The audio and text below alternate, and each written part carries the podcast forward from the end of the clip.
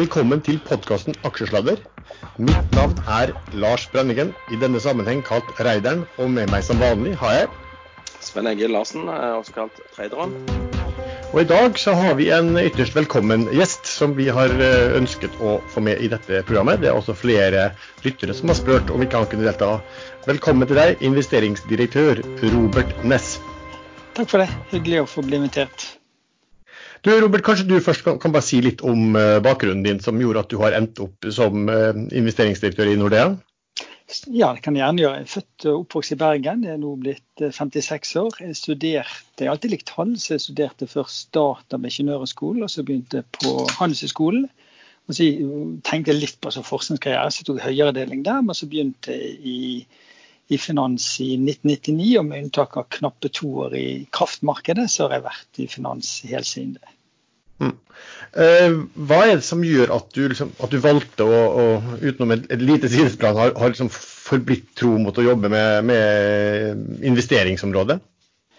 Nei, fordi det er veldig spennende. Fordi det, det krever noe. Sånn, fordi at Eh, det, egentlig det, skal det være umulig å gjøre det godt år etter år. Sant? så da er det ambisjonen å prøve å gjøre det, gjøre det best mulig. Sant? de fleste jobber sånn som du kanskje behersker og er ferdig med.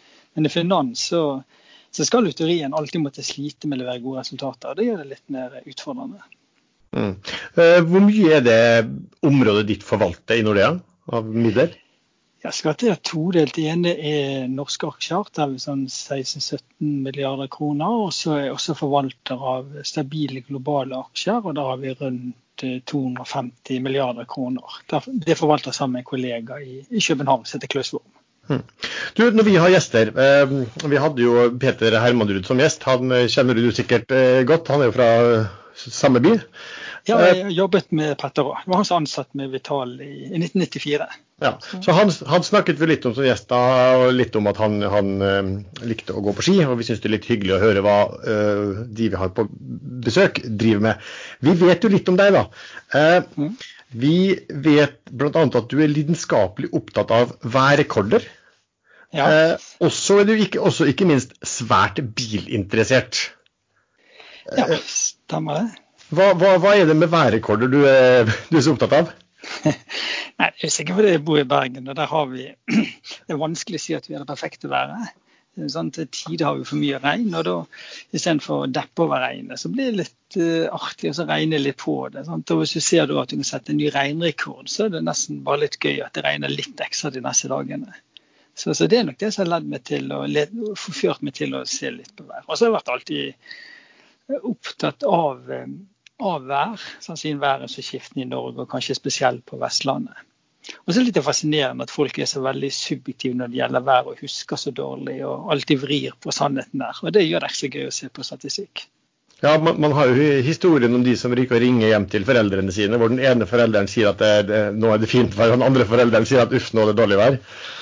Ja, og det ser du samme nå på Facebook og Instagram. og sånn. Det er jo svært høy andel med sol, mens i realiteten nok ikke så mye. Så ja, vi har fortsatt samme tendensen. Du, Sven her, han ø, bruker jo skryt av øh, Teslaen sin. Og du ø, er jo veldig opptatt av biler. Og du har jo i hvert fall hvis jeg skal tro med det, klart kunststykket å bli i hvert, fall, i hvert fall tidvis svartelistet av Tesla, sånn at Tesla nekta å selge biler. Hva, hva, hvordan gikk det til? Hva, hva er historien bak?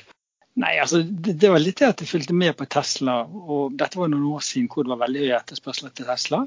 Og så hadde de en tendens til å justere prisene sine etter dollarkursen. Og Da hadde kronen vært svak, og det var åpenbart at de, de, måtte sette opp prisen. Og På den tiden var det sånn at du betalte 15 000, det er fortsatt det samme, du betaler 15 000 når du bestiller, og så kommer bilen etter to år.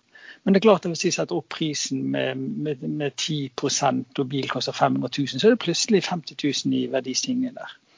Så, så, så, var det like før jul en gang, så så jeg at eh, nå kommer de til å sette opp prisen. Og Tesla faktisk indikerte det sjøl, at prisene ville opp. Så det er de fleste kanskje ville gjort. Ville bestille 1 til 15 000 og så ta gevinsten. Men jeg syns det var litt ekstra artig, så jeg bestilte to det som julepresang. Så brukte de 15 000 til å kjøpe til både barn og svigerbarn og en kamerat. Og enda en ekstra. Og så, og så gikk det så vidt greit, det. De, de, fikk solgt bilen, og da steg mer enn 10% så de tjente vel 50 000-60 000 på det hver. Så det var ganske hyggelig. Og Så gjorde jeg det igjen, og så steg prisene, og så til slutt så ble, ble Tesla lei og bare stoppet stoppet etter at jeg egentlig skulle få levering og etter prisen var steget. Ja, men, men hvorfor, hvor- hvorfor det? Hvorfor det egentlig? Det, de, må, de må jo være glad bare for å få solgt biler.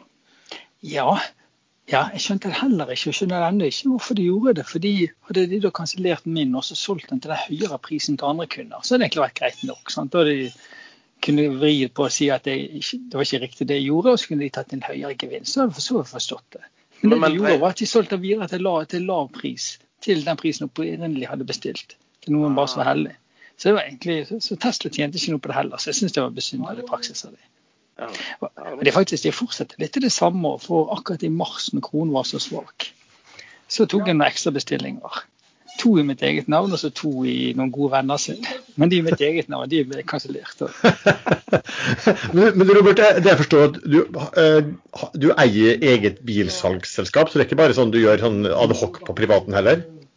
Nei, det stemmer det. Jeg, jeg begynte å importere biler tilbake i 94.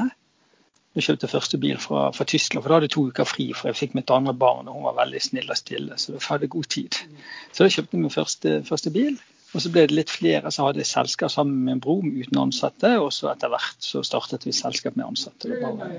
For å få det på en grei, ja, en grei stil. Og, og da det siste, spesielt de siste syv årene så var det ganske en grei aktivitet i selskapet.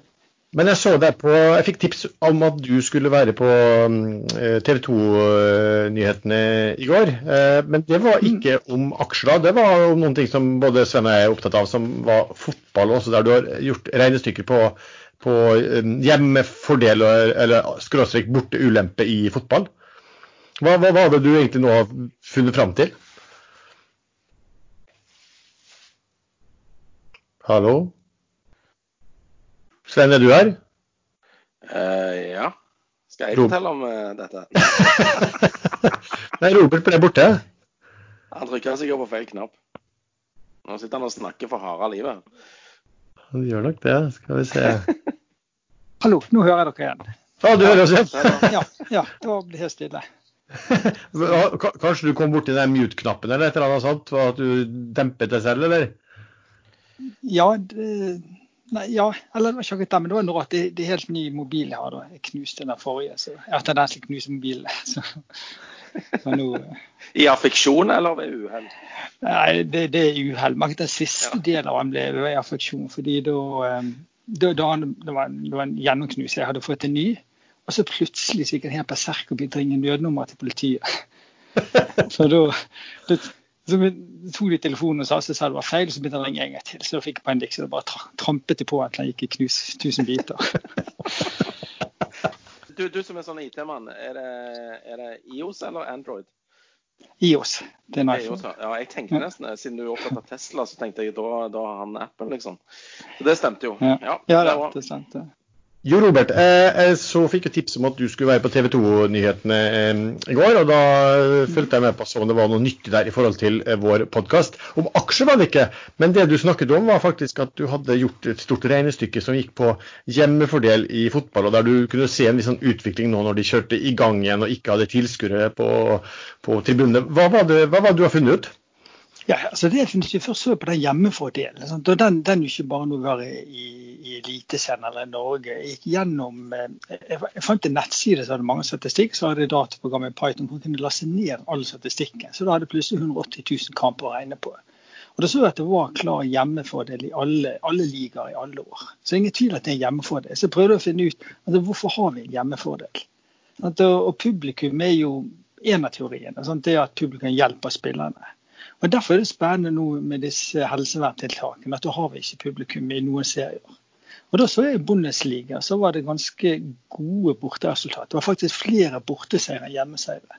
Og Da regnet det på de siste nå har det vært spilt vel 50 kamper i forhold til de siste 20 årene.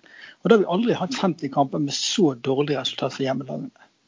Og så var det spennende å se om det samme skjer nå i, i Norge i Eliteserien. Og de har spilt for så vidt bare første runde med åtte kamper. Men, men, da så jeg at det var, av de åtte kampene det var fem borteseiere, tre uavgjort, og målforskjell på åtte i fordel av bortelagene. Og når da gikk tilbake i historien, så hadde det aldri vært eh, første runde med så gode resultater for bortelagene. Men så gikk gjennom hver serie. og Da, da måtte jeg tilbake til 2000 og 2002.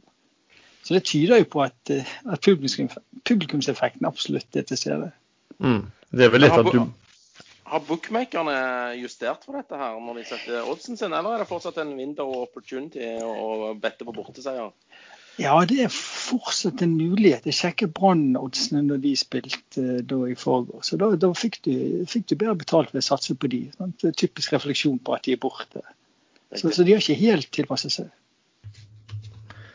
Vi skal begynne å snakke om aksje aksjemarkedet, men vi må jo alltid eh, beskytte oss eh, selv med en liten disclaimer. Den er som følger. Vi gir ingen råd dersom du hører på hva vi sier her om markedet, aksjer, enkeltaksjer og livet for øvrig, er ansvaret helt og holdent ditt eget. Robert, jeg tenkte vi kunne starte med å knytte sammen eh, det som gikk på aksjemarked og biler. fordi det har jo vært da selskap, veldig omskrevne selskap den siste perioden som som går på, på innenfor bilindustrien. Eh, vi kan jo starte med ett i Norge, da. Um, da har vi jo um, Kongsberg Automotive, som er leverandør til bilindustrien, og som har blitt trada på hva skal si, den mest merkverdige måten denne uken. Eh, jeg så Du var også ute og ble spurt om en avis om det. Kan, du liksom bare forklare litt hva som har skjedd der, og hva, hva, hva denne rariteten går ut på? Ja, altså, jeg, jeg, tror det som har skjedd, Kursen har jo falt mye. Jeg startet året på seks kroner. og, og så for noen uker siden handlet den på 80 øre. Sant? Og da har falt mye mer enn andre bilaksjer. Og, da, og de som ikke følger med, så syns kanskje dette høres ordentlig billig ut. Men det som har skjedd, er at de har gjort en emisjon på 7,5 milliarder aksjer til 10 øre.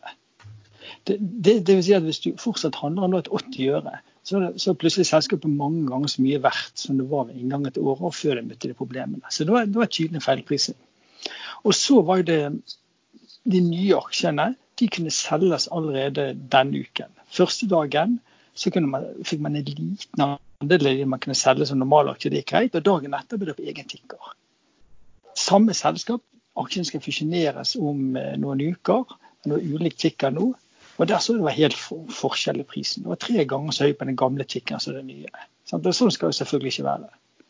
Hvis du har 200 lapper som er produsert i ulike år, så, så, så, så ikke den ene verdt 300 den andre verdt 100 kroner. Sant? De er verdt det samme. Mm.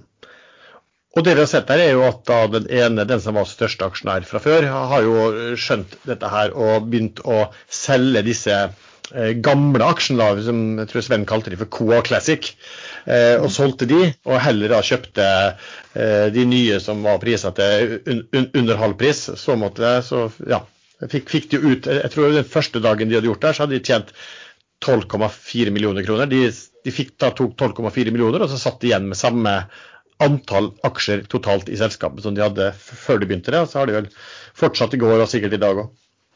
Ja, så Derfor er det veldig besynderlig de som kjøpte de gamle aksjene når dette var klart. Sant? Da har de altså Greit nok de ikke regner på det, men de har, de har, ikke, lest, de har ikke lest på nettet heller hva som skjer. Så det syns jeg er besynderlig. Du putter masse penger inn og ikke, ikke sjekker noe som helst. Mm. Fordi at dette har jo vært eh, På våre sosiale medier så har det jo dette her vært veldig omskrevet. Eh, veldig klart for folk at eh, dette gjelder. Men uh, tydeligvis har det blitt uh, kjøpt og kjøpt og kjøpt, kjøpt uansett. Um, og Koa var vel også en sånn der hvor hvor mye svenske tydeligvis som kom inn og kjøpte i, i, i den aksjen. Samme mange som de kjøpte Norwegian også. Ja, så kanskje ikke de leser norske aviser og derfor ikke fått det med seg. Nei, De får nok det med seg på sosiale medier, men de gidder å bry seg. Fordi, fordi at de jakter vel på momentum så til de grader, vil jeg tro. Mm, ja. Um, så har vi da eh, Nicola i USA, eh, som mm. også har steget voldsomt. Hva, hva, hva, tenker du om eh, Den er vel da prisa til jeg, jeg, så bare på, på en nettside nå at de, var priset, de mente at de var priset til 23 milliarder dollar i market cap. Jeg vet ikke om det er riktig, jeg vet ikke om det er med alle disse warrantsene, men, men de er jo oppe og blir prisa à la Eh, Ford og de aktørene der, eh, uten å ha levert en eneste lastebil. Hva, hva, hva tenker du om prisingen av et sånt selskap? Ja, men først så den teksten tenkte jeg ok, den kan jeg ikke noe om. Men så, så tok jeg bare sjekk. og Jeg brukte fem minutter på selskapet. Det var nok til å bli ordentlig bekymret. Først og alt gikk jeg på hjemmesiden deres investoropplysninger. Prøvde å se på siste årsrapport. og Det bare sto den var ikke tilgjengelig. Siste kvartalsrapport ikke tilgjengelig. Og så hadde de prospekt i forbindelse med noteringen. Der sto så godt som ingenting. Og så prøvde jeg å se på analyser fra meglerhus. Vi har tilgang til de fleste, det var ingenting eh, tilgjengelig. Så, og, så ser en Blumer-artikkel hvor de diskuterte om at i 2016 hadde presenterte biler at den egentlig ikke fungerte da, sånn som det framstilte det som. Så, så, så, det virker veldig, egentlig veldig skummelt å, å investere der. Sant? Det, er mange milliarder. Sant? Du snakker om som du sier, sant? 250 milliarder kroner. Det, det, er veldig mye penger for noe som eh, du får så lite informasjon. Ja, og Der har du også en sånn eh, liten perversitet. da, fordi at du har jo da, og Vi, vi snakka om det i, var i forrige episode. Da har du også det som heter Nicola, NKLA. Men du har også en warrant i Nicola som heter NKLAW. Eh, og det, der er strike-prisen 11,50. Så, der, så, du kan altså kjøpe eh, Nicola i bøtter og spann via NKLA, altså ved Wardson. Eh, jeg husker ikke hva han lå da, men sist jeg så på så lå han vel kanskje rundt noen og 20. Da, så si at du betaler fem, da i hvert fall betalte til 35 dollar eh, per aksje. Mens aksjen, altså selve vanlige aksjen, ble handla godt opp på 60-tallet. Uh, og Det er jo litt, litt, lignende når vi snakker om KOA, at du faktisk kan kjøpe et instrument som, du, som du kan calle fra en gang nå i, eh, litt ute i juli. Uh, likevel så kjøper heller folk betaler heller dobbel pris for å kjøpe uh, aksjen. Ja, det er skremmende. og Vi snakker jo ofte om IT-boomen og det som skjedde før IT-krasjet. Men da hadde ikke du den type feilprisinger. Da hadde du det som i ettertid viste seg å være veldig feil priset, men det var fordi forventningene var veldig høye. Mm. Nå ser jo at det er direkte, direkte feilprising, så det, det besynderlig. Ja. Tesla, da. Den har du vel eh, hva, hva, hva, du, du, er glad i bilen. Hva syns du om aksjen? Nei, altså Jeg lenge syns at den, eh, den, er vanskelig å forstå prisingen.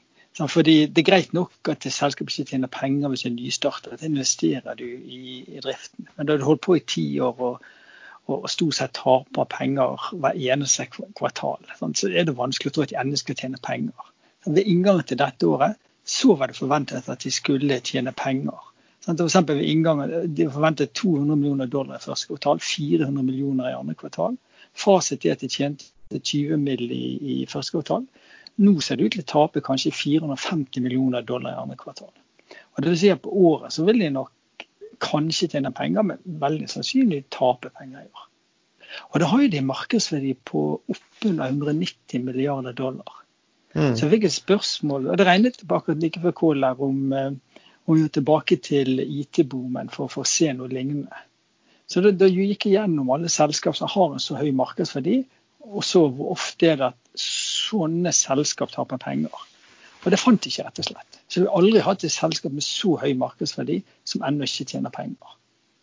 For under IT-krasjet var Cisco og andre altfor høyt priset, men de tjente iallfall noe penger. De hadde høy verdsettelse, men de tjente iallfall penger. Så det er ganske unikt med Tesla nå. Ja. Men på Tesla de har jo vært høyt før også, men det har jo også kommet, det har jo vært spekulasjoner nå etter den sterke oppgangen den eh, siste perioden. Og galskapen altså vi også ser i eh, aksjer som altså Nicola f.eks. I Norge på Kongsberg Automotive. Noen vil si Norwegian Hertz f.eks. Eh, men det, det, har vært snakk om at altså årsak, fordi at det ikke har vært mulig å bette på fotballkamper og andre lignende sportsevenement, så har disse havna opp i aksjemarkedet på, på Robin Hood. Jeg så forresten da Peter Hermanut, som vi snakket om, han hadde sendt ut noen ting i dag. og der han hadde en plansje som, som, som viste liksom at det var det sterkeste effekten du hadde sett på 25 år Eh, i oppgang i eh, penny stocks, altså uh, aksjer i hvert fall i USA som definisjonen er de som koster, koster mindre enn en dollar, eh, og også med de som hadde de råtneste balansene. Mm. Så det er jo kanskje litt tegn på at det er kommet inn. Men hva, hva, tenker, hva tenker, du liksom om hva vi har sett i, det, i markedet nå de siste par måneder? Jeg syns det er besynderlig. Jeg kan ikke huske å ha sett dette før så stort omfang. Vi har hatt noen tilfeller tidligere, som sånn med Farstad for et par år siden. Et par andre sånne store emisjoner hvor, hvor enkelte ikke har skjønt hva som skjedde. Men Da har det vært mindre selskap, og det, har gitt seg etter noen uker etter noen måneder. Men, men, men, det omfanget vi har sett i år, ikke bare i Norge, men også globalt, det, det syns jeg er vanlig. Og Det, det er selvfølgelig litt skremmende. Og, og, det som er interessant, er at det skjer samtidig som du har en nedtur i aksjemarkedet normalt når du har en nedtur i aksjemarkedet, så blir du ekstra engstelig. Og da blir du ekstra mer skeptisk til vekst. og Da, da har egentlig mer motsatt, utvikling. Så det at du har en nedtur i økonomien, sånn som det definitivt har nå, og samtidig så stor optimisme i mange segmenter, det, det har jeg i hvert fall aldri sett før. Mm. Nei, men du, du, tror ikke at det bare er disse amerikanerne som da når uh, markedet falt veldig plutselig og, og, kraftig, fant ut oi, nå er alt blitt billig, nå skal vi bare kjøpe, og så har de bare fortsatt? Og, og godt hjulpet av Fed, som liksom har supplert med likviditet og alt dette her uh, ellers. Uh, for de, de, stopper jo ikke, virker det som. Det, de bare durer på videre. Mm, ja, det er klart det er jo selvfølgelig Argumentet for at du egentlig ikke skal falle noe særlig, er jo at dette, dette, kommer over. Ting pleier alltid å ordne seg. Sant? Om det ikke er 2021, så ordner det seg i 2022. Og ventekostnadene å sette pengene 0 i banken, den, sant? det er ganske liten ventekostnad. Så hvorfor ikke bare kjøpe aksjer nå, og så, og så er du med på oppturen når den kommer. Sant? Det kan jo være sånn markedet tenker. Men vi som har vært lenge i markedet, er jo vant til at når det kommer nedturer, så begynner markedet å bli litt mer usikker på når oppturen kommer tilbake, og så faller kursene. Sånn som det gjorde under eh, tidligere resesjoner. Men nå er det jo ingen alternativer. Altså, Har du masse cash, hva skal du gjøre av det? Du, får jo ingen avkastning. Nei, du gjør ikke det. Men selvfølgelig det er jo segmenter i aksjemarkedet som fortsatt er lavpriset. Sånn, det er gode selskap som du ikke betaler høye multipler for. Så det er selvfølgelig en mulighet. Og så har du så selvfølgelig, Hvis du er bekymret for framtiden, så er det ikke så ille å få null for cash heller. Da, da kan de, den cashen være verdifull på et tidspunkt i fremtiden. Men hvis du, hvis du ser da på sånn tolv måneders sikt på eller høsten f.eks., eller 12, er, er du urolig for markedet, eller er du rimelig komfortabel på hvor markedet ligger nå? Nei, egentlig rolig. For, det, for det, jeg fokuserer veldig mye på, på inntjening. Sant? Og jeg ser jo at inntjening i år vil falle mye. På konsensus skal vi ned 22% globalt, men jeg sa de mest skeptiske analytikerne så ligger på rundt 40% nedgang. Og, jeg, og jeg tror kanskje det blir mer i den retningen. altså 40% globalt og egentlig enda mer i Norge. Så dette blir ille. Så er spørsmålet hvor, hvor raskt vi er tilbake. Og det er egentlig vanskelig å få tro at uh, vi er tilbake inntjeningsmessig allerede i 2021. Først og fremst fordi da blir det den raskeste oppturen vi noensinne har sett. Og det kan jo skje, men det er jo siden aldri skjedd før, så er det mindre sannsynlig. Og det andre er, er rett og slett at inntjeningen lå på høyt nivå før vi gikk inn i dette. Så at vi da skal plutselig gå tilbake inn til samme nivå, det, det kan skje, men det, det, er langt ifra det mest sannsynlige scenarioet. Ja, for der har det vel vært noen sånne oversikter som viser at altså, marginene til selskapene på børsen har vært ganske historisk høy også? Ja, det er det. Så spesielt når du ser i, i USA, for der har du veldig lang historikk og bedre kvalitet på regnskapene, så det er lett å regne. Sant? Der har jo marginene vært eh, sånn 2019 var rekordhøye marginer. Og tar du sånn profit share of GDP, altså andel av verdiskapning i samfunnet som går til resultatet i bedriftene, så den er lagt på høye nivåer i, i, flere år. Så alt det tyder på at inntjeningen er, er noe høyere nå enn normal inntjening. Mm. Og så får du da i tillegg en en sterk nedgang som, som, kanskje folk ser igjennom i år, men hvis det da ikke kommer nok tilbake eh, i 2021 og at du får press på marginene, det, er der du ser liksom uroen sånn sett sånn, i, i, forhold til inntjeningen? Ja, absolutt. Jeg tror det, det er risikoen. At inntjeningen blir selvfølgelig høyere i 2021 enn 2020. Men om, blir, om 2021 blir bedre enn 2019, det, det tviler jeg egentlig på. Men bare mens jeg husker det. Når tror du dette går opp for markedet? At uh, ting kommer til å ta litt uh, lengre tid enn det kanskje trodde for litt siden? Ja, Det er litt spennende. Vi ser jo oppturen i markedet begynte 23.20. mars. og Da var det så verst ut i forhold til at det var da det virkelig begynte å se omfang av virus i USA. Så, så markedet, der var jo markedet ekstremt tidlig. Ja. Men klar, hvis vi bare altså Selskapene skal jo i juli komme og fortelle hvordan det gikk i andre kvartal. Sant? og De kan egentlig si hva de vil, for vi er ferdig med andre kvartal. Det som er spennende for markedet, er å høre hvordan sommeren utvikler seg. Sant? Og, altså, og hvordan det ser ut for juli og august. Så Det kan jo lett bli skuffelser igjen. Nå har vi sett at inntjeningsmaten som stupte før i år, de holdt seg jevnt. De holdt seg egentlig uendret nesten de siste tre-fire ukene. Men klart, der blir det mer bevegelse i juli, og da tror jeg det kommer videre ned. Og så typisk det mest utfordrende blir rapporteringssesongen til høsten, sant, hvor man da må være udruelig i forhold til 2021. Mm. Da, da, pleier jo, Det er da ofte sett historisk. Det, Men litt av problemet er jo at uh, selskapene har jo slutta å guide. Altså, Og da blir det jo veldig vanskelig å kunne fortelle noe om framtiden. Men det kan jo være fordi de ikke vet, rett og slett. Ja, det er det. Sant? Så, så når de repeterer i juli, midten, slutten av juli, så, så må de i hvert fall fortelle hvordan utviklingen har vært etter, etter juni. Sant? Og hva det ser ut til å være i august. Sånn på helt kort. Aksjesladder er sponset av nettmegleren IG.com.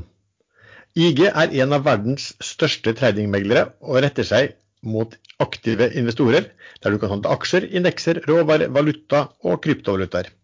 De er børsnotert i London med et børsverdi på ca. 30 milliarder svenske kroner, har over 2000 ansatte og med kontorer rundt om i verden. IG har et stort tilbud av shortingsbare norske aksjer, og du kan handle CFDs, Barriers, Vanilla-opsjoner og Turbo24. Turbo24 er IGs turbowarranter som tilbyr deg en fleksibel giring og innebygd garantert stopplås. Hos IG er det veldig enkelt å legge ordre, uansett om du handler i appen på mobilen eller i plattformen på PC-en.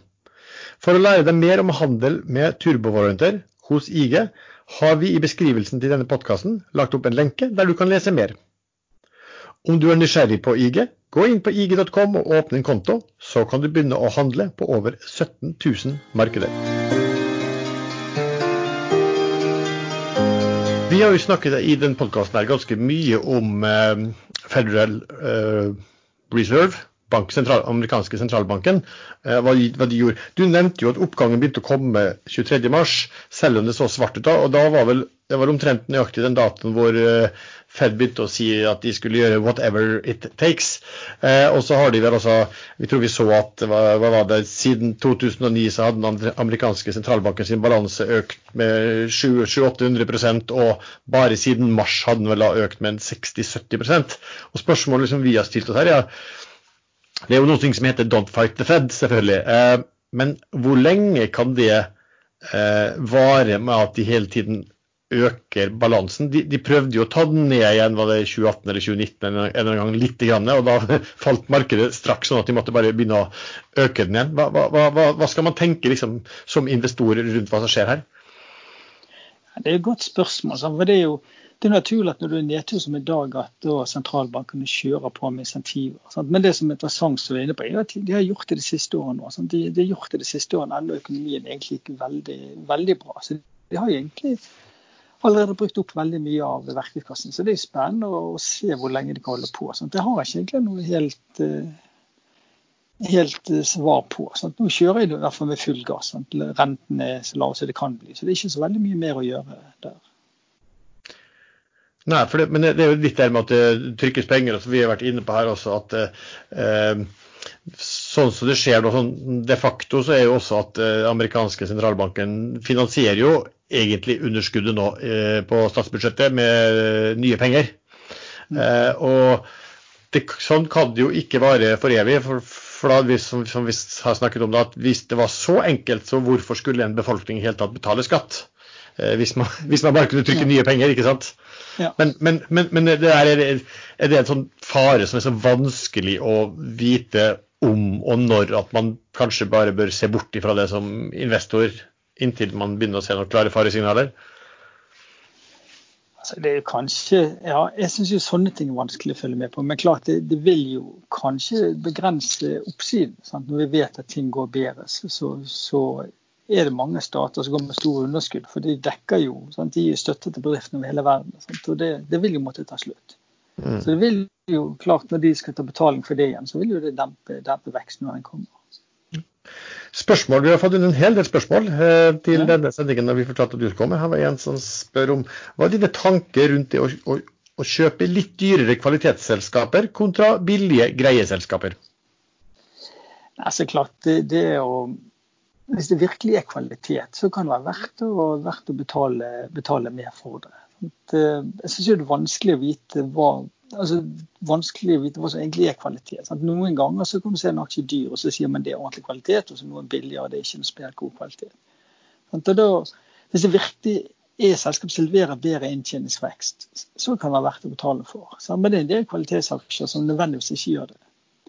Men, men jeg ser jo sånn i forhold til mine fond, så har, så har vi siste årene prioritert å unngå de, de mer dyre i kvalitet og tatt de andre. Men som vi har sett det som gitt best kursutvikling i det siste, har vært de, de dyre kvalitetsaksjene. Men det har vært en utvikling i det siste som definitivt ikke trenger å fortsette. Uh, en annen sier at han har registrert at du liker å regne på forskjellige båter. Uh, har du noen gode tips for hvordan man skal regne på nedsiden til en aksje? Ja, altså Det er jo to komponenter som gjør at kursen faller sånn røftlig. Det ene er at inntjening forsvinner, og det andre er verdsettelsesmultiplikatoren kommer ned.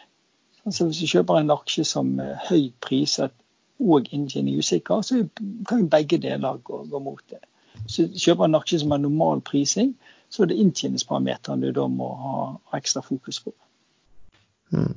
Du, jeg vet at du har gjort ganske mye sånne undersøkelser på børsen til selskap regna på sammenheng her. Er det noen sånne spesielle empiriske resultater som du vil dele, som kan være nyttig for leserne og Nei, lytterne, ikke, lese, ikke, ikke leserne, håper jeg, men lytterne å forstå? Ja, så klart det sterkeste, altså effekter. det sterkeste av alle er nok inntjeningsmomentum. Altså selskap som får økt inntjeningsforventninger, de gjør det alltid bedre enn andre selskap. Så, så hvis du hadde visst hvilke selskaper og inntjeningsestimatene vil komme opp, og hvilke som kommer ned, så har du fått veldig god hjelp i å velge aksjer. Men klart Det er jo vanskelig å, det, det er vanskelig å vite, men, men, det er nok kanskje den, den, den beste faktoren. Mm. Du, ser, du, ser, altså på den deriverte av inntjeningen? på en måte? Ja, ja, det er egentlig det. Hvis vi ser at estimatene kan tikke litt oppover, så, så er du rimelig sikker på at den aksjen ikke, ikke 100 er tilfellet, selvfølgelig, men i høy andel av tilfellene så vil den aksjen gå bra. Og kommer estimatene ned, så er det veldig ofte at du blir aksjen svak.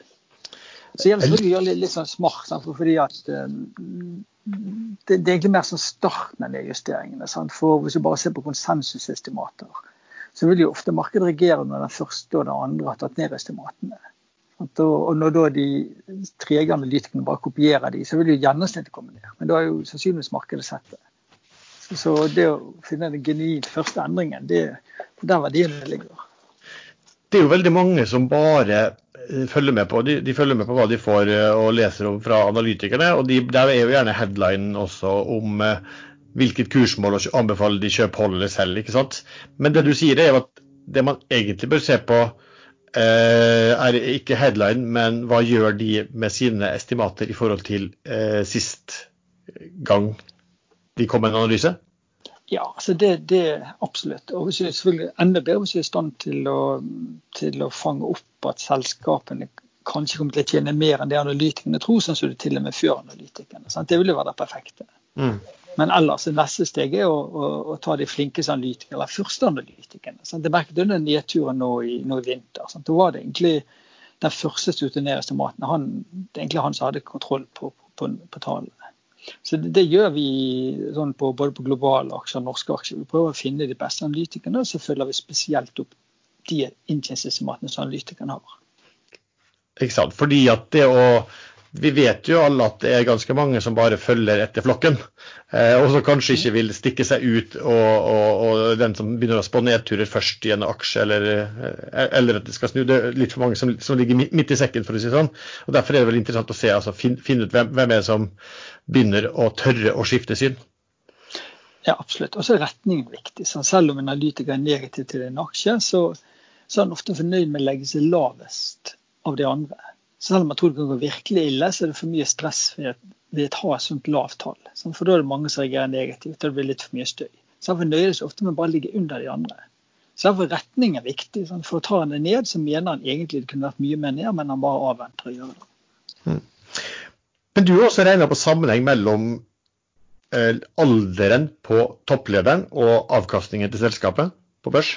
Jeg gjorde dette, og nå noe jeg noe for Finansavisen på mandag. altså Månedlig gjestekommentar. Så gjelder det å prøve å finne ut eh, noe. Så da tenkte jeg skulle sjekke, sjekke den. Sant? det, Vi har jo sett Warren Buffett, som kanskje er verdens beste investor. Sant? Han er jo godt voksen. Ola Thon-konsernet har gjort det veldig bra over mange år.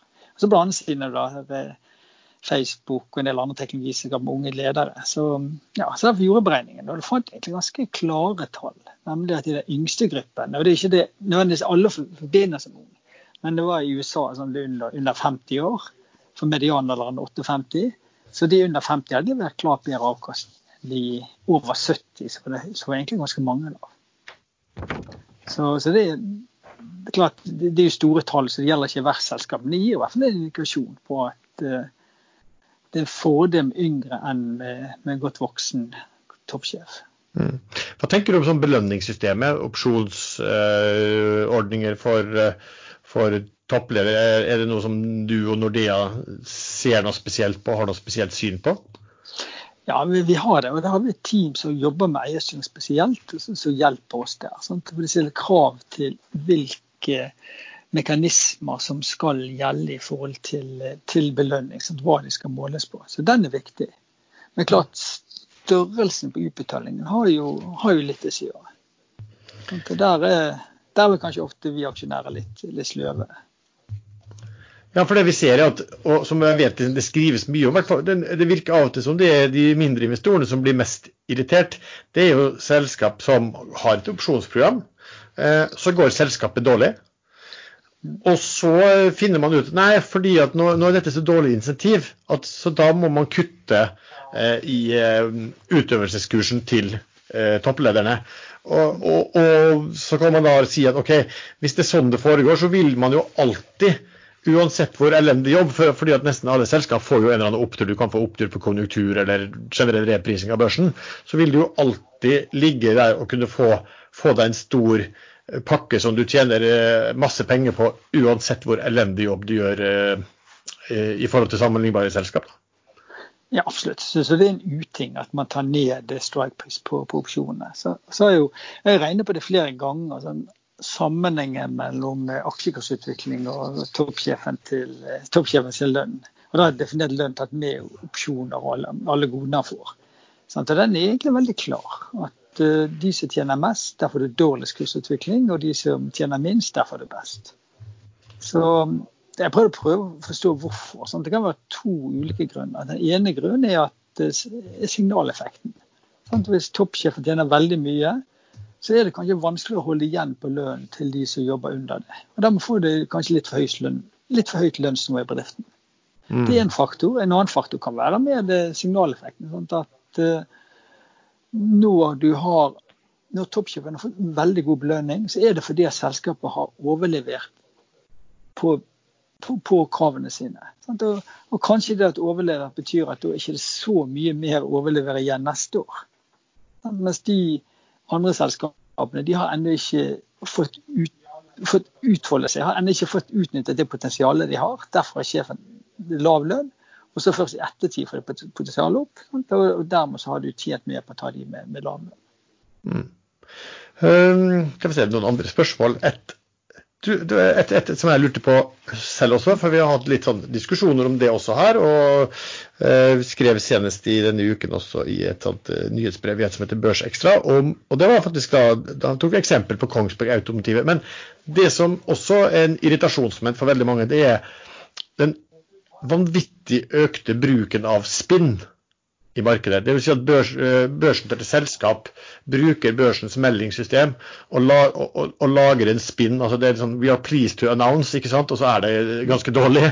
Eh, de, og de forsøker, altså Det, det er flust av intensjonsavtaler som aldri blir av. Det, det er små avtaler her og der som da er sånn breakthrough i kjempestore markeder.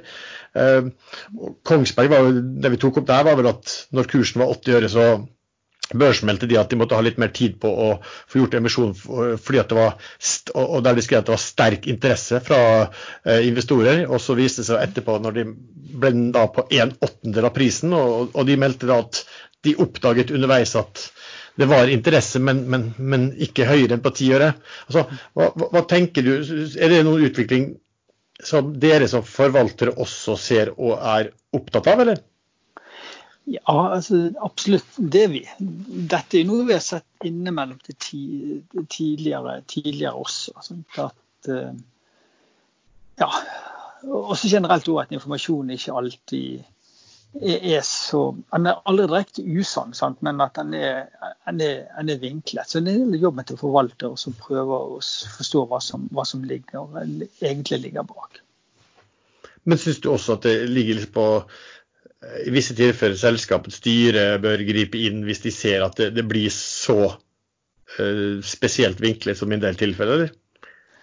Ja, det virker jo kanskje naturlig, da. Det, det, det, det gjør det. For, for, over tid så er jo ikke noen tjent med at man gir meldinger som, ikke, som kanskje til dels er villedende. Så, så, absolutt, det er noe som, en, som er viktig å jobbe med. Vi hadde Thomas Nilsen fra Førstfondet på besøk. Han var ikke glad i bruken av EBITA og justerte tall i regnskapet. Han hadde vel hatt noen i Finansavisen hvor han kjeftet hardt ut mot Equinor. Hva tenker du om den bruken? Ja, det Justert er jo ganske morsomt. Sant? Equinor er jo verstingen av alle i, i Norge. Jeg har jo sett på det sånn i, i USA siden jeg tror det siden 95 eller noe sånt. Så har selskapene levert bedre enn ventet hvert eneste, hvert eneste kvartal. Sånn, hvis du da sier at 50 sannsynligvis skal gjøre det bedre, 5 dårligere, sånn, så er det teoretisk sett umulig at det, det, egentlig skal kunne gå an. Mm. Og Det er fordi de driver og Det er, så, det er der at de snakker ned, sant? Men, men generelt så, så, så, bruker de, har de brukt justerte tall siden den tiden. Så, så når jeg ser på samlet inntjening i USA, så når du henter ned data fra Bloomberg, så har de, har de egentlig to felt du kan bruke. En, det er en haug med felt, men du kan velge mellom justert og ikke justert. Sant? Og, ja, og, og, og, da burde justert være sånn at du smuter ting. Sant? Det er litt mindre svingninger, men det er jo ikke det. Justert alt, Når du summerer for selskapene, så har det alltid vært høyere enn en, en faktisk inntjening. Mm. Det, det, tyder på at de misbruker, misbruker, det. Ikke sant? Du justerer bort uh, bad stuff uh, som, som, du kan en eller annen grunn hevde er litt ekstraordinært eller uh, midlertidig, men når det samme gjelder på inntektssiden, så, så, så, så gjelder det ikke. Nei, så, så Vi gjør det samme i Norge, men det er ett unntak i Norge. Det har faktisk vært bankene. De, de har hatt bedre på det faktiske enn normalisert. Og det, og det, skyldes rett og slett fordi at Finanstilsynet i Norge har vært så, så hard de siste egentlig ti årene på, på mye egenkapital de skal ha. Så de har trengt også å få opp egenkapital. Så Derfor har de måttet realisere alt mulig, selge unna eierandeler og sånt. Så det er eneste unntaket. Men generelt så er det er bedriftene å ja, justere bare feil vei. Bare ta vekk det dårlige og beholde det gode. Hva er holdningen din til eh, hvis man skal se tilbakekjøp av egne aksjer eh, versus å gi utbytte til aksjonærene? Altså, det det synes med utbytte, Den beste måten å bruke utbytte på at man er at man gjør som Exxon og har et stabilt utbytte. Sant? Og hvor hele organisasjonsmodellen bygger på at du skal være i stand til å holde utbytte og helst øke det. Det synes jeg er en fantastisk fin måte å gjøre det på. For det kan være stabilisator for aksjekursen. Og så har du USA. Sant? Der er det vanlig og mer vanlig med tilbakekjøp i mange tilfeller. Sant? Og mye av det er jo skattemotivert. At det er mer skatteoptimalt å, å, å kjøpe tilbake aksjer. Så generelt syns jeg det beste valget er å ha et jevnt og trøtt utbytte. Det, det syns jeg det er ideelle. Men klart noen selskap, kanskje spesielt holdingselskap, så det kan være riktig hvis de prises med lav rabatt og de har kontanter, da kan det være riktig å, å kjøpe tilbake aksjer. Um, spørsmål om indeksfond. Hva, hva gjør fram veksten av indeksfond for framtiden for aktiv uh, forvaltere? Uh, og hvordan vil den fremveksten, hvordan, hvordan påvirker den utviklingen i aksjemarkedet? Ja, Det er et veldig interessant spørsmål. I forhold, Det er en aktiv forvalter. Sant? og det er to måter å tolke det på sånn generelt. Sant? Det ene er at det er færre aktive forvaltere, du er færre å kjempe mot, ergo skal det bli lettere å slå markedet. Men jeg er andre også en annen tolkning, nemlig at hvis du har pokerbok og det er en haug med folk som spiller i starten, så vil det dårligste gi seg. Sånn til slutt er det bare de aller beste igjen. Og da er det vanskeligere å vinne. Altså det er egentlig den motsatte konklusjonen, at det blir vanskeligere å slå markedet. Jeg tror subjektivt på, på, det første, altså at med mer indeks så blir det lettere for en aktiv forvalter. Men så tror jeg det tar mye lengre tid å få rett. For Hvis du har mange aktive forvaltere, hvis du har en liten feilprising, så går det kanskje fortere å få en riktig prising. Men sånn som nå, så kan det ta veldig lang tid. Så hvis så har de feil aksjene som stiger, f.eks. Tesla. Nå er de med i SMP 500. Så Hvis en aktiv forvalter har sagt at den prisingen er bare tull, så medfører det at han underperformer. Og Da ser kundene ok, aktiv forvaltning er dårlig, da kjøper du litt mer indeks, og så må han selge unna, og så mister han jobben, og så, så blir det bare så. så ja, så, så tror jeg at er lenge, konsekvensen er at det er lenge, en aktiv forvalter kan være lengre perioder feil i forhold til markedet. Det tror jeg konsekvensen er du stadig mer innenriks. XI Promo er en tjeneste hvor børsnoterte selskap kan få presentert seg via video til titusenvis av investorer innen ekstrainvestornettverket. Vi kan produsere, markedsføre og distribuere enhver presentasjon, det være seg kvartalsrapporter, kapitalmarkedsdager, Q&A-events eller informasjon knyttet til kapitalinnhenting. Vi snur oss veldig raskt rundt, slik at budskapet like raskt kan komme ut. Vi ser at sendinger via oss har svært høye lyttetall kontra hva selskapene har vært vant til. Noe av hemmeligheten er at investorene finnes på sosiale medier, og at vi via flater vi kontrollerer, kan gjøre dem raskt oppmerksom på et event helt opp til sekundene før det begynner. De store meglerhusene har vært svært velvillige til å stille opp som moderator i Q&A-eventene våre. Vi har gjennomført sendinger for Aker, Ocean Lundin-selskapene Africa Oil og Africa Energy, Ice Group, Sparebanken Vest, Fotokur, PCI Biotech, Panor Energy, Petronor, Strongpoint, Targovex, Webstep med flere. Vi kan også tilby Exi Promo til unoterte selskap på kapitaljakt. Eksempelvis hadde vi denne uken en solid besøkt sending med Perks folkefinansiering. Vi har fått gode ord fra bedriftene som har benyttet seg av våre tjenester. Herunder denne testimonial fra Aker ASA. Hei, jeg er Torbjørn Kjus, sjeføkonom og IR-ansvarlig i Aker. Jeg gjennomførte på vegne av Aker en presentasjon etterfulgt av en lengre Q&A via ekstrainvestor.com i august 2019. Vi er veldig godt fornøyd med gjennomføringen av eventet. Vi fikk mange gode spørsmål fra ekstrainvestors medlemmer, og eventet ble sett av et stort antall investorer. Vi kan fullt ut anbefale bruk av ekstrainvestor til andre selskap som vil ha økt synlighet hos investorer og andre kapitalmarkedsaktører. Hvis du representerer et børsnotert selskap eller et unotert selskap som vil ha økt synlighet fra alle typer investorer, så er det bare å ta kontakt på info.ekstrainvestor.com. Hvis du er aksjonær i et selskap som du mener bør få enda bedre synlighet, så tips de gjerne om våre tjenester. Mer info finnes på ekstrainvestor.com slash presentasjonstjenester. Spørsmål om børsnoteringer. Eh, har du, har du regnet på noe om det, om det generelt sett er lønnsomt å delta i børsnoteringer? Ja, det har jeg regnet på flere ganger, og konklusjonen er ja. Altså Det er lønnsomt å delta. Sånt, og det er litt eh, sånn som investorene tenker, for å putte penger i en emisjon, så går det inn i noe som er ukjent. Den har ikke vært notert tidligere, dvs. Si det er ikke sikkert all tilgjengelig informasjon har kommet frem. Og da har vi tradisjonelt sett på at ok, skal vi gå inn i en børsnotering, så skal vi ha en, ha en liten, eh, liten rabatt. Så jeg har sett at den første dagen så får du i gjennomsnitt greit betalt. Mm. Men det er den første dagen. Har, ja. Ja. Ja, har, du regnet på Pareto sine IPOs? Altså de som børsene Ja, altså, altså, jeg har ikke regnet sånn spesielt. og, og så, Da tenker jeg mer globalt på hvor har den effekten. Men klart, da, da tenker jeg på den første dagen. Og så når det gjelder videre, så, så, er det litt mer, så er det mer blandet. Og, og, kanskje spesielt i Norge, sant, hvor vi har hatt en overoptimisme. Sant, tydelig olje offshore, hvor, eh, og hvor vi har veldig mange prosjekter som eh, prospekter som, med selskap som kommer til å tjene penger og ikke tjener penger, og så viser det seg forventningene for høye. Så det enkle svaret egentlig er at det lønner seg hvis du er ute i en første dag. Hvis du skal være inne langsiktig, så i snitt av det. Og det er egentlig ikke gjort det. Spesielt ikke i Norge. Nei, Jeg mobber alltid disse meglerne mine i Pareto. da, fordi at uh, Endelig så kom det en, og det var Pexif. Jeg klarte å tjene penger. Jeg taper konsekvent alltid penger når jeg er med på emisjoner hos uh, Pareto. Ja, det... Sånn er det. Men, men, men dere Nordea som er såpass store, det får jo da være med i mye børsnoteringer. Men, men, hvis man er litt mindre, så er vel liksom For en del så er selvfølgelig så er det ofte, i hvert fall hvis det er private placement, så er det jo gjerne sånn at man, man ikke har pengene som skal til for å, uh, for å bli med. Men, men, det er vel også sånn at hvis det er, som vi har snakket om Sven, at hvis det er veldig populært, uh, da ringer ikke megleren din til deg hvis det er crap og de, de, sliter med å fylle boken, da, da ringer, meg, da ringer megleren din til deg. Så, ja, eller, du, eller du vinner ikke loddtrekningen. Nei, ikke sant.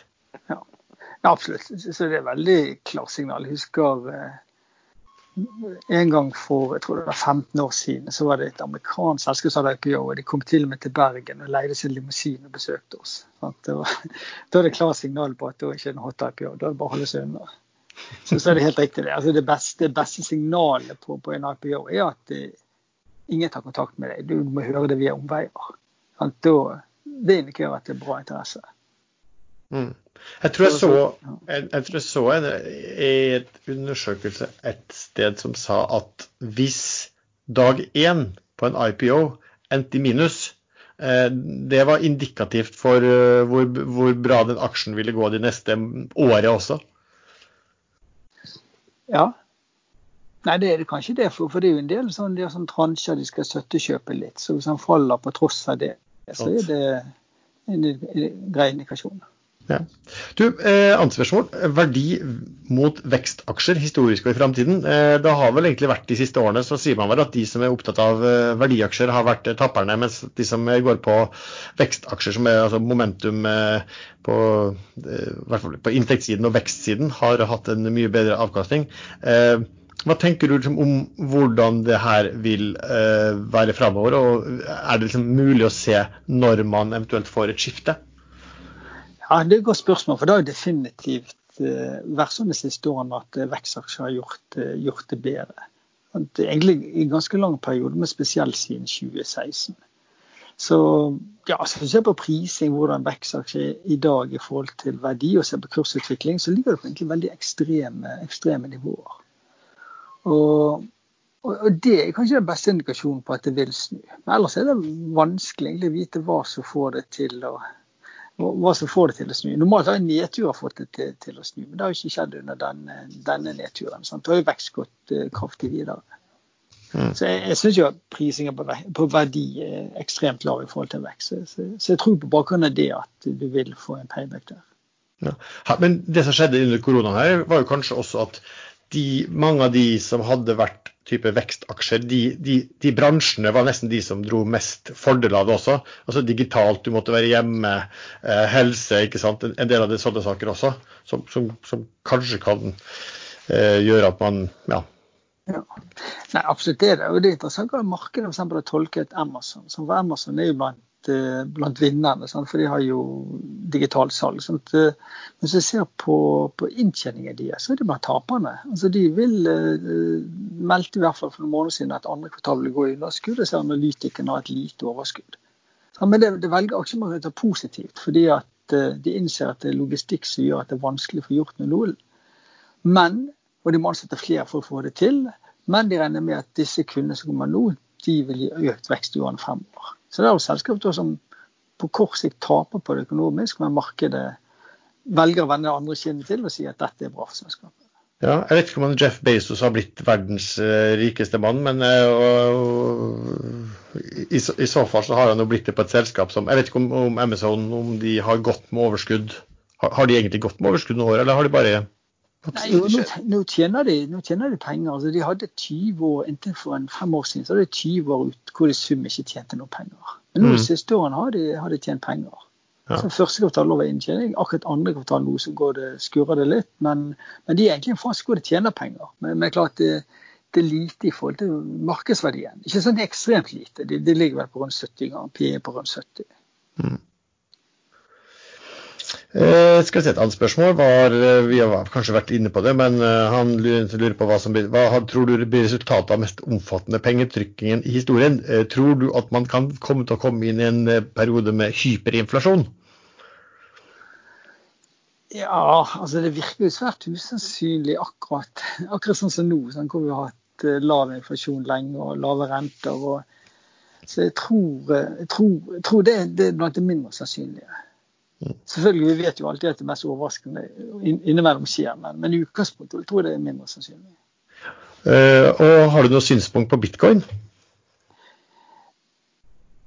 Ja, altså egentlig Jeg sliter, jeg sliter veldig med, med å forstå poenget, poenget med det. Så, så, jeg holdt meg helt, helt unna der, og, og planer om å holde meg helt unna der videre også.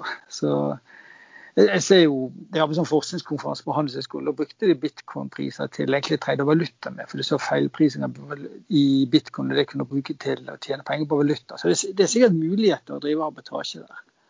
Men men, med, med, ting som jeg ikke forstår på, så jeg ikke forstår hvorfor det skal være så mye verdi på bitcoin, da, da holder jeg med unna. Du og Sven, har du dine bitcoin fortsatt?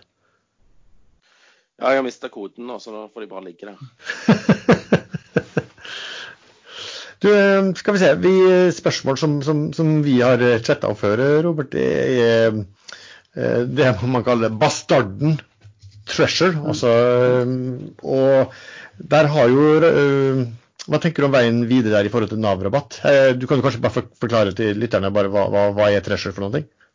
Ja, Treasure de eier aksjer i et sørkoreansk logistikkselskap som heter Hyundai Glovis. Og hvorfor har du et norsk børsnotert selskap som eier aksjer i et annet selskap? Det virker jo egentlig besynderlig. Og Det skyldes igjen at, eh, at Wilhelmsen-gruppen eide dette fordi de samarbeidet med Glovis. Men per i dag så er Wilhelmsen-gruppen et holdningsselskap, de samarbeider ikke med Glovis det, det var Lenius som samarbeider med Glovis, og Wilhelmsen bare eier deler av det. Så det er egentlig veldig rosig. Egentlig burde selskapet vært oppløst for, eh, for lenge siden. Sånn, det hadde blitt oppløst vært grei oppside for de som, de som, sitter der. Det tror jeg at ledelsen i Wilhelmsen ser at uh, aksjene Glovis er så lav priser, så derfor har ikke de lyst til å selge. Men det, det jeg syns Wilhelmsen burde gjort, uh, er at de bare burde kjøpt ut resten av aksjonærene. For, for, for Wilhelmsen-aksjen prises jo ut ifra trashy-kursen, og da priser de med rabatt på rabatt. Sant? Så hvis de bare hadde kjøpt ut resten av aksjonærene og kanskje solgt under et par aksjer for å dekke kostnaden, så hadde det vært vinn-vinn for dem. Mm. Så det tror men, men, at noe vil måtte skje. Ja. Kunne ikke Treasure bare delt ut disse her Glovis-aksjene til eksisterende aksjonærer? Så kunne de gjort med dem hva de ville? Jo, det kunne de, kunne de også, også, gjort. Eh, og argumentet for å ikke gjøre det er jo litt i forhold til at for eh, avtalen, fraktavtalen til Valenius, så er det greit med dette eierskapet. Men klart det er uvedkommende for aksjonærene Trasher, og til og med uvedkommende for aksjonærene Wilhelmsen. Så, så det, det, er ikke noe godt argument. Men jeg tror det er det argumentet som, eh, som kanskje ledelsen i Wilhelmsen tenker på.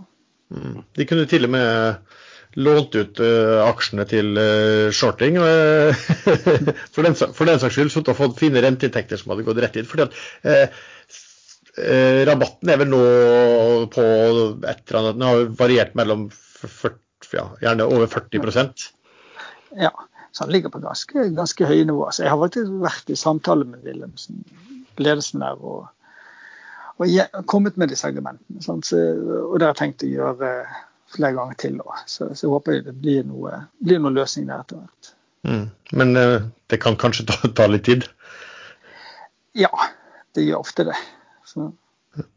Du, eh, spørsmål om eh, lakseselskap eller oppdrettsselskap. Hva tenker du om Movi framover, og også hva tenker du om deres McDonald's-lignende strategi? Ja, så klart eh, Movi og, og lakseselskapene På kort sikt så har jo de utfordringer med logistikken. Sant? Det går mindre fly, de får ikke solgt så mye de skal.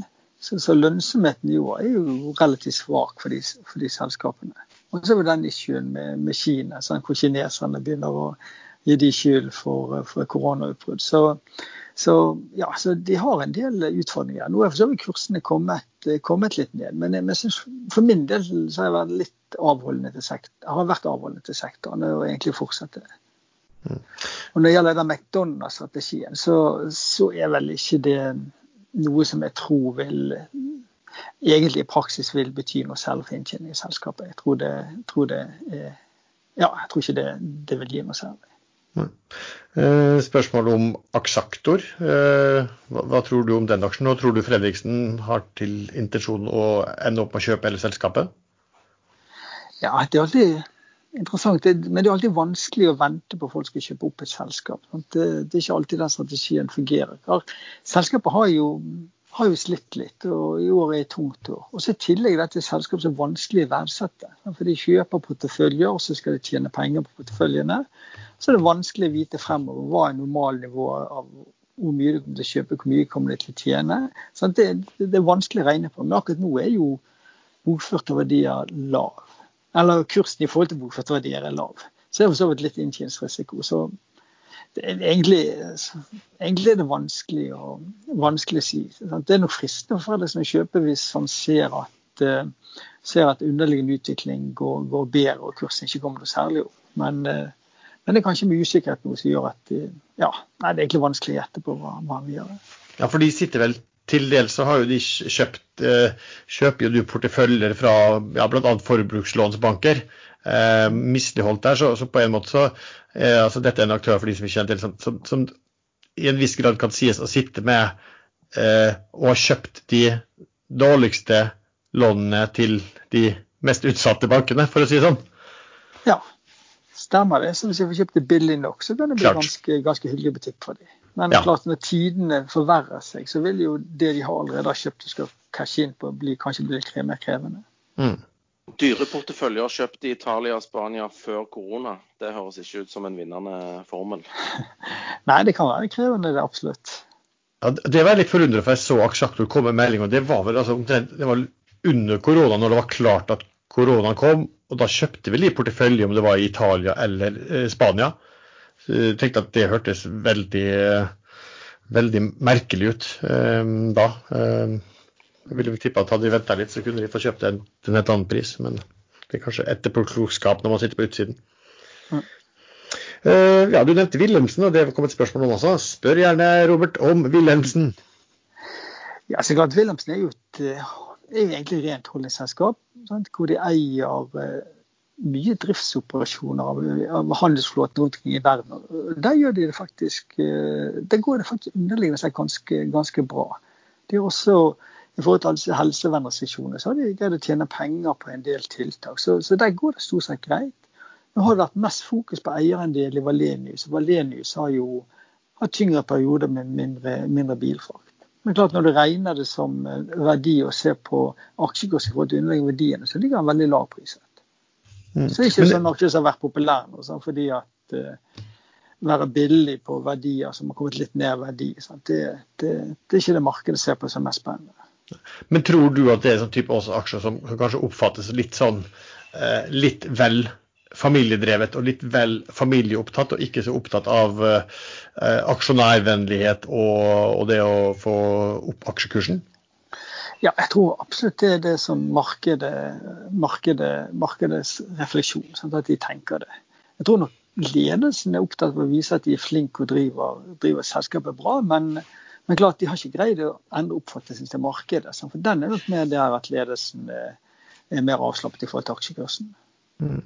Nå er jo de, Det er jo Valenius Wilhelmsen som de eier en del av. og Et spørsmål på de også er jo Vi har sett i Supply at eh, det var familierederier, og de var selv når hva skal si, oljeprisen var høy, så bestilte de båter selv om inntjeningen da på en, eh, på, en, båt var ganske mager. Eh, nærmest sånn at man kunne mistenke at det var så viktig for den enkelte familie å ha en fin flåte, hvis du skjønner hva jeg mener. Er det noen ting som er en, en risiko i, i Wilhelmsen også, at de investerer altfor mye for å ha nye båter når, når liksom avkastningen på en ny båt ikke er der? Jeg husker jeg gjorde refleksjoner så på Oddfjell-rederiet tilbake på 90-tallet. Liksom, da var ratene dårlige, og så beskyttet nye båter. Så spurte hvorfor de gjorde det. og da, da var det liksom mer svar ja, men de skal drive med dette alltid framover. Så de, de, de skifter båter jevnlig. Noen perioder er det dårlig marked, noen er gode, men de, de ser på seg selv som en industriell aktør. Så de tilpasser for så vidt ikke kjøpsprogrammet så mye. Det, det, var det mer tradisjonelle innskipping. Når vi snakker med, med Valene, så virker det som de er er opptatt altså Nå er det lite bestillinger. Sant? Jeg ser at tidene er, er vanskelige. Så jeg håper jo at, de, at, ikke, at det ikke går den ferden. Det, det, det, det, er jo det er ikke familien som Craig som driver det. Sant? Du er eksternt ansatt. Så. Ja.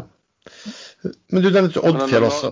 Ja, ja, når det gjelder fin flåte, ja, når det gjelder fin flåte, jeg tror ikke vi skal beskylde disse bilskiprederiene å ha fine flåter, for de der båtene der de ser jo helt forferdelige ut. Så jeg tror ikke, jeg tror ikke motivasjonen er å ha finest mulig bilskip, liksom. Ja, jeg tenkte mer sånn på, på stolthet med nye, da. Moderne, hvis du sier sånn. Ja.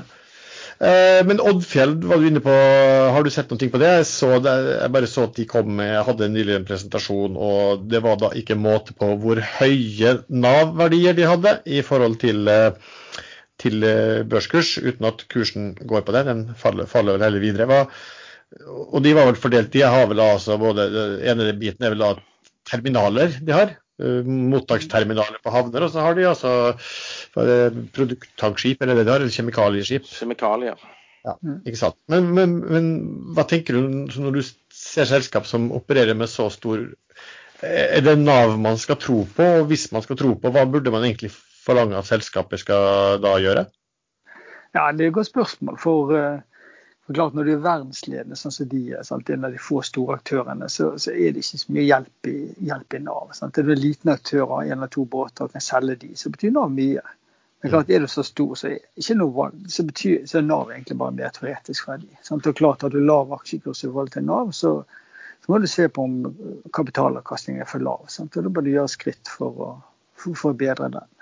Så helt mm. enig der at sånne tilfeller er Nav egentlig ganske uinteressant. Uh, Ocean Deal-spørsmålet. hva tenker du om dagens prising og fremtidsutsikter på den, og om den forretningsmodellen deres er bærekraftig? Ja, Det er en stund siden jeg har sett på den. Vi var inne for en god del år siden. Og så hadde jeg mer sparebanker og syntes sparebankene var mer spennende. Sant? For da hadde du mer eh, utlån til, til, til, flere ulike segmenter, og ikke så snevre segmenter. Sant? Så Det er litt spesielt med Washington at du har et, det er et ganske begrenset antall eh, engasjementer du, du låner ut til. Sant? Og Da blir det mer spesifikk risiko. Men jeg har faktisk ikke sett så mye på den i det, i det siste. Jeg har ikke. Skal vi si et spørsmål om her, ser det Robert. Hvor billige må såkalte ukorrekte oljeaksjer prises for at du skal kjøpe denne sektoren foran de korrekte ESG, altså miljøvennlige selskap? Ja, det er jo et veldig interessant spørsmål. Sånn vi så for så vidt det med, med tobakk. Det, nå er de veldig lavpriset, men det, det, er ikke mer enn tre-fire år siden de var egentlig rekordhøye priser, selv om tobakk var veldig uakseptert også da, på den tiden. Så akkurat for øyeblikket så er det vel jeg tror mer det som ødelegger for oljeaksjene nå, er, er usikkerheten til fremtidige oljepriser og et, fremtidig etterspørsel, sånn at lønnsomheten blir dårlig, og, og, dermed, og dermed så blir verdiene lavere. Jeg tror det er det som er, hovedproblemet deres. Vi begynner å komme langt ned på spørsmålslisten, men noen har vi jo fortsatt igjen. En skriver hvorfor spør han ikke ta opp tiårig fastrentelån til 2,1% rente og investere i Telenor med direkteavkastning på 6% Ja, Nei, altså, det, det, det, svarte du på på Twitter eh, i går, ja. gjorde du ikke det? Jo, jeg gjorde det. Ja, ja det, det kom på Twitter, det stemmer. Ja, nei da, jeg synes Det var, det var et interessant spørsmål. Sant? først av alt er jo det det at hvis du, hvis du må lånefinansiere på aksjen direkte, så kan du risikere å komme riktig ille ut. For da kan kursen midlertidig falle, og så får du marginkrav. Og så må du selge aksjen på bunn, og så har du tapt de pengene du investerte. Selvfølgelig hvis du og Så nevnte han karen der på Twitter at ok, han har sikkerhet i huslån. Så hvis du har det, så kan du si ok, da, da slipper du den risikoen. Men samtidig så har jo beregningene vist at det å investere i én en enkelt aksje, det er risikabelt. For de fleste aksjer, sånn, det er utrolig nok, så, så får du egentlig lav avkastning på de fleste aksjer. Så, så, det er veldig effektivt å bare spre porteføljen i minst ti navn, kanskje helst 20 navn. Mm. Så Derfor bør du egentlig ikke kjøpe en aksje uansett hvor god den virker akkurat i øyeblikket. Så Det beste av alt er å spre investeringene. Og hvis du har mulighet til det på den enkle måten, så gjør du det. Hvis ikke kan du kjøpe et fond hvor så spre investeringene for deg. Mm. Eh, hva tenker du var din vurdering av BV offshore? Så klart, Det fremstår så billig, men klart segmentet er jo, er jo egentlig krevende, sånn spesielt i ja, egentlig en he, hel offshore. Så vi har vært litt mer, mer forsiktige der. Um, hvem vinner valget i USA, tror du, og hvordan vil børsene reagere på det? Og vil vi se noe eh, Vil vi se noen utvikling på børsen nå i høst fram mot valget? Ja, altså det, det, vi har sett i disse årene, er at aksjemarkedet har vært lite bekymret over måten Trump reagerer på. Sant? Og alt det spesielle han gjør, så har ikke det påvirket aksjemarkedet. Sant? Vi ser mer på det som skjer i politikken. Og jeg tror det beste for aksjemarkedet er at de får delt mellom Senatet og Kongressen, sånn at det ikke blir noe hardt styringsflertall fra, fra noen av partene. For da får selskapene være mer fri fred og ro. Så det tror jeg de håper på. Så, så jeg tror kanskje sånn om, eh, om, det blir demokratisk og republikansk, så lenge det blir jevnt, så er det greit for selskapene. Hvis vi konkret tenker Trump og Biden, så tror jeg ikke, ikke det betyr så mye. Når vi ser på, jeg pleier å følge med på bettingsidene, jeg syns de er det, kanskje det mest sikre. Og de, de, har hatt eh, Trump som favoritt helt inntil for noen uker siden. Sånn nå er det Biden som er en knapp favoritt der. Men det er, ikke, det er egentlig ganske, ganske åpent på, på de bettingsidene. Mm. Og akkurat nå er vel kanskje Trump i hardest eh, vær, og hvis økonomien begynner å gå bedre fram mot valget, så kan man jo mm, i hvert fall begynne å nærme seg tilbake igjen på utgangspunktet. Ja, det kan, kan, kan godt tenkes. Så kommer det an på hvor hardt Biden og demokratene kjører i forhold til, eh, til, til, både det med skatt og tiltak i forhold til, eh, til helseselskapene. Sant? det er de to tingene som, som ofte finansmarkedet er opptatt av. Mm. Jeg så forresten en, eh, et intervju med han Biden, eller det var faktisk en tale han holdt. og Det, det var litt interessant og kanskje en litt pekepinn på hva demokratene vil skyte seg inn på. Eh, han sa vel egentlig at Eh, det å ha en oppgang i aksjemarkedet var isolert sett ingen dum sak. Men når oppgangen i aksjemarkedet gjorde at eh, de som var rike, ble mye rikere, mens mainstream sto uten eh, jobb eh, og slett. eh, da ble det eh, veldig problematisk. Og det er vel kanskje noen ting som, som de vil bruke også. Har, vet du, vi har skrevet om det inne på Ekstremester også, at det er ikke gitt at en oppgang i aksjemarkedet vil hjelpe Trump uh, så veldig mye, hvis ikke mainstream uh, føler at de får være med på ja, fordelene. Nei, det er et godt poeng. Ja, ikke mainstream. Main Street, ja. Nei, det er klart at arbeidsmarkedet er nok veld, veldig viktig. Sant? Hvis ja, hvis økonomien går bedre og folk kommer tilbake til jobb, alle som driver småbedrifter gjør det bra, så er det lettere å være fornøyd. Hmm. Hva tror du om oljeprisen fremover, og oljeaksjer? Ja, altså oljeprisen er veldig volatil, og det har vært volatil og vil sikkert komme til å være. Men, eh, men, jeg, men jeg, tror jo at det, det, det, vi har sett med, med koronaviruset nå, vil få bedriftene til å ha mindre fysisk aktivitet. Jeg tror det blir mindre reising fremover. Jeg tror det blir mer digitale møter. Og, og det betyr igjen lavere etterspørsel etter, etter olje. Så jeg tror eh, så, så jeg er egentlig mer forsiktig med, med, oljeaksjer. Jeg tror den langsiktige etterspørselen kan, kan bli svakere. Mm. Uh, har du noen tips til de som vil investere i fond?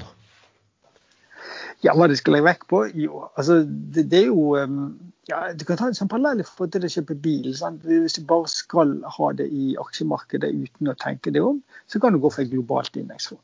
Da kan du gjøre det enkelt og greit. Hvis du, hvis du har noen formening om at du tror verdiaksjer er bedre, eller den og den forvaltningsstilen er bedre, så kan du velge fond som, som forvalter på, på, på, den måten. Mm. Siste spørsmålet som jeg tror eh, mange, det er noe, noe mange alltid er interessert i. Hva er dine favorittaksjer på Oslo Børs? Ja, på Oslo Børs har jeg altså, Det er egentlig ganske kjedelig, egentlig. Eh, jeg syns jo fortsatt Sparebanken er greie. Det er mer risiko nå. Med tiltakspakkene så er, det ingen, så er det veldig liten risiko, men når de tar slutt, så kan det være litt mer risiko for utenlandstog. Så, så det, det, det, det, er en viss risiko, men samtidig er prisingen lav nå. Da tror jeg sånn som SR-Bank og Midt-Norge, når du har prisbok på 07 til 08, så, så, har du historisk fått en grei avkastning. Mm. Og så syns jeg Wilhelmsen er, er, synes er spennende når han er priset så, så lav. Så på sikt tror jeg at du kan få ganske, ganske hyggelig avkastning der. Mm. Uh, har, du noen, har, du noen, vekstaksjer du liker? For Det var typisk, typisk, det var typisk verdiaksjer. Ja, det er det. Ja, så klart I porteføljen så har vi i, i Bergen Bio, sånn, som har et uh, legemiddel som skal sammen med Mercy Keytruda hjelpe mot uh, lungekreft og andre kreftformer. De, de, de, har hatt mange vellykkede faser, men de er ikke helt på plass. Men klart, kommer det på plass og det virker som det skal, så, så, så oppsiden veldig, veldig stor der. Men klart det er som med andre legemidler, at uh, lykkes det ikke, så, så er nedsiden Eh, skikkelig stor. Så, men det er i hvert fall, når du balanserer det, så ser det egentlig ganske, ganske greit ut. Mm. Det her er jo en dag med fantastisk godt og varmt vær. Det er en fredag, og vi er vel tre stykker som har eh, lyst til å, til å begynne å ja, jeg, har, jeg, har, et spørsmål som er ja. ikke er børsrelatert, men det er bilrelatert. Det er eh, Porsche Taycan. Ja. Den har du fått tak i? Ja, det har jeg jeg var inne og bare researcha den i dag, da, og den så himla dyr ut. Og utrolig mm. mange tilvalg du kunne velge det, i tillegg til bilen, som starter på rundt en million. Uh, er, er, det en bra bil? Ja, det er det. Det er, en veldig bra bil. Um, og det med tilvalg er helt riktig. For, for Utsalgsprisen er misvisende. For hvis du, bare, hvis du, kjøper den uten tilvalg, så får du ikke med varmeseter. Da får ikke med DAB-radio, du får heller ikke med ladekabel. Så, så det sier seg selv, du kommer mye ekstra. Så det, det, er veldig Altså, det er kanskje den beste bilen som jeg har kjørt. Okay. Men, men den er dyr. Ja, for jeg har en Tesla X, og der er alt disse tilvalgene er jo inkludert, mer eller mindre. Hvis du har valgt den, den pakken. Uh, og her måtte du bare plusse på 20 000 på hvert valg nedover. Og det var en vanvittig pris til slutt. Ja, det er. Så du kommer fort 100 000 ekstra selv om du, du, du, du er nøktern. Så det er jo det er en gøy men, men det var, så, så, veldig fin ut. Ja da, nei, det, det, det gjør han.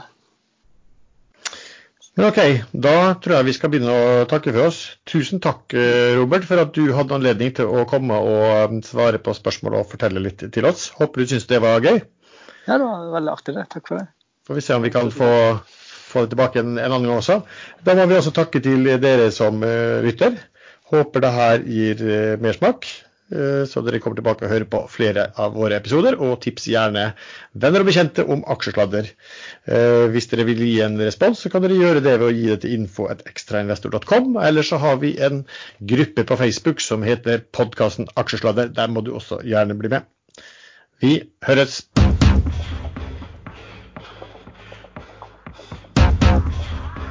Vi på Ekstrainvestor har i flere år sendt ut et nyhetsbrev kalt Børsekstra med oppsummering av nye anbefalinger fra meglerhus, interessant stoff fra media og betraktninger som f.eks. dagens OBS. I dag har vi over 11 000 registrerte abonnenter på det, og det vokser raskt. Det går ut og leses daglig av storforvaltere, analytikere, meglere, journalister samt store og små privatinvestorer. Vi har sett at media har brukt børsekstrainnholdet som forklaring til kursbevegelser. Vi har nå lansert et premiumabonnement for de som vil motta Børsekstra noen timer før de andre gratisleserne. Du kan bli premiummottaker ved å vippse 99 kroner per måned, alternativ 999 for et år, til VIPS nummer 603355. Husk å skrive inn din e-mailadresse ved innbetalinger. Hvis du heller vil betale til bankkonto, så kan du først sende oss en mail på info.ekstrainvestor.com, så sender vi deg detaljer. Hvis du ikke allerede mottar Børsekstra og vil være en vanlig gratisleser, så kan du gå til ekstrainvestor.com slash borsekstra, B-O-R-S-X-T-R-A. Der finner du lenke til registrering.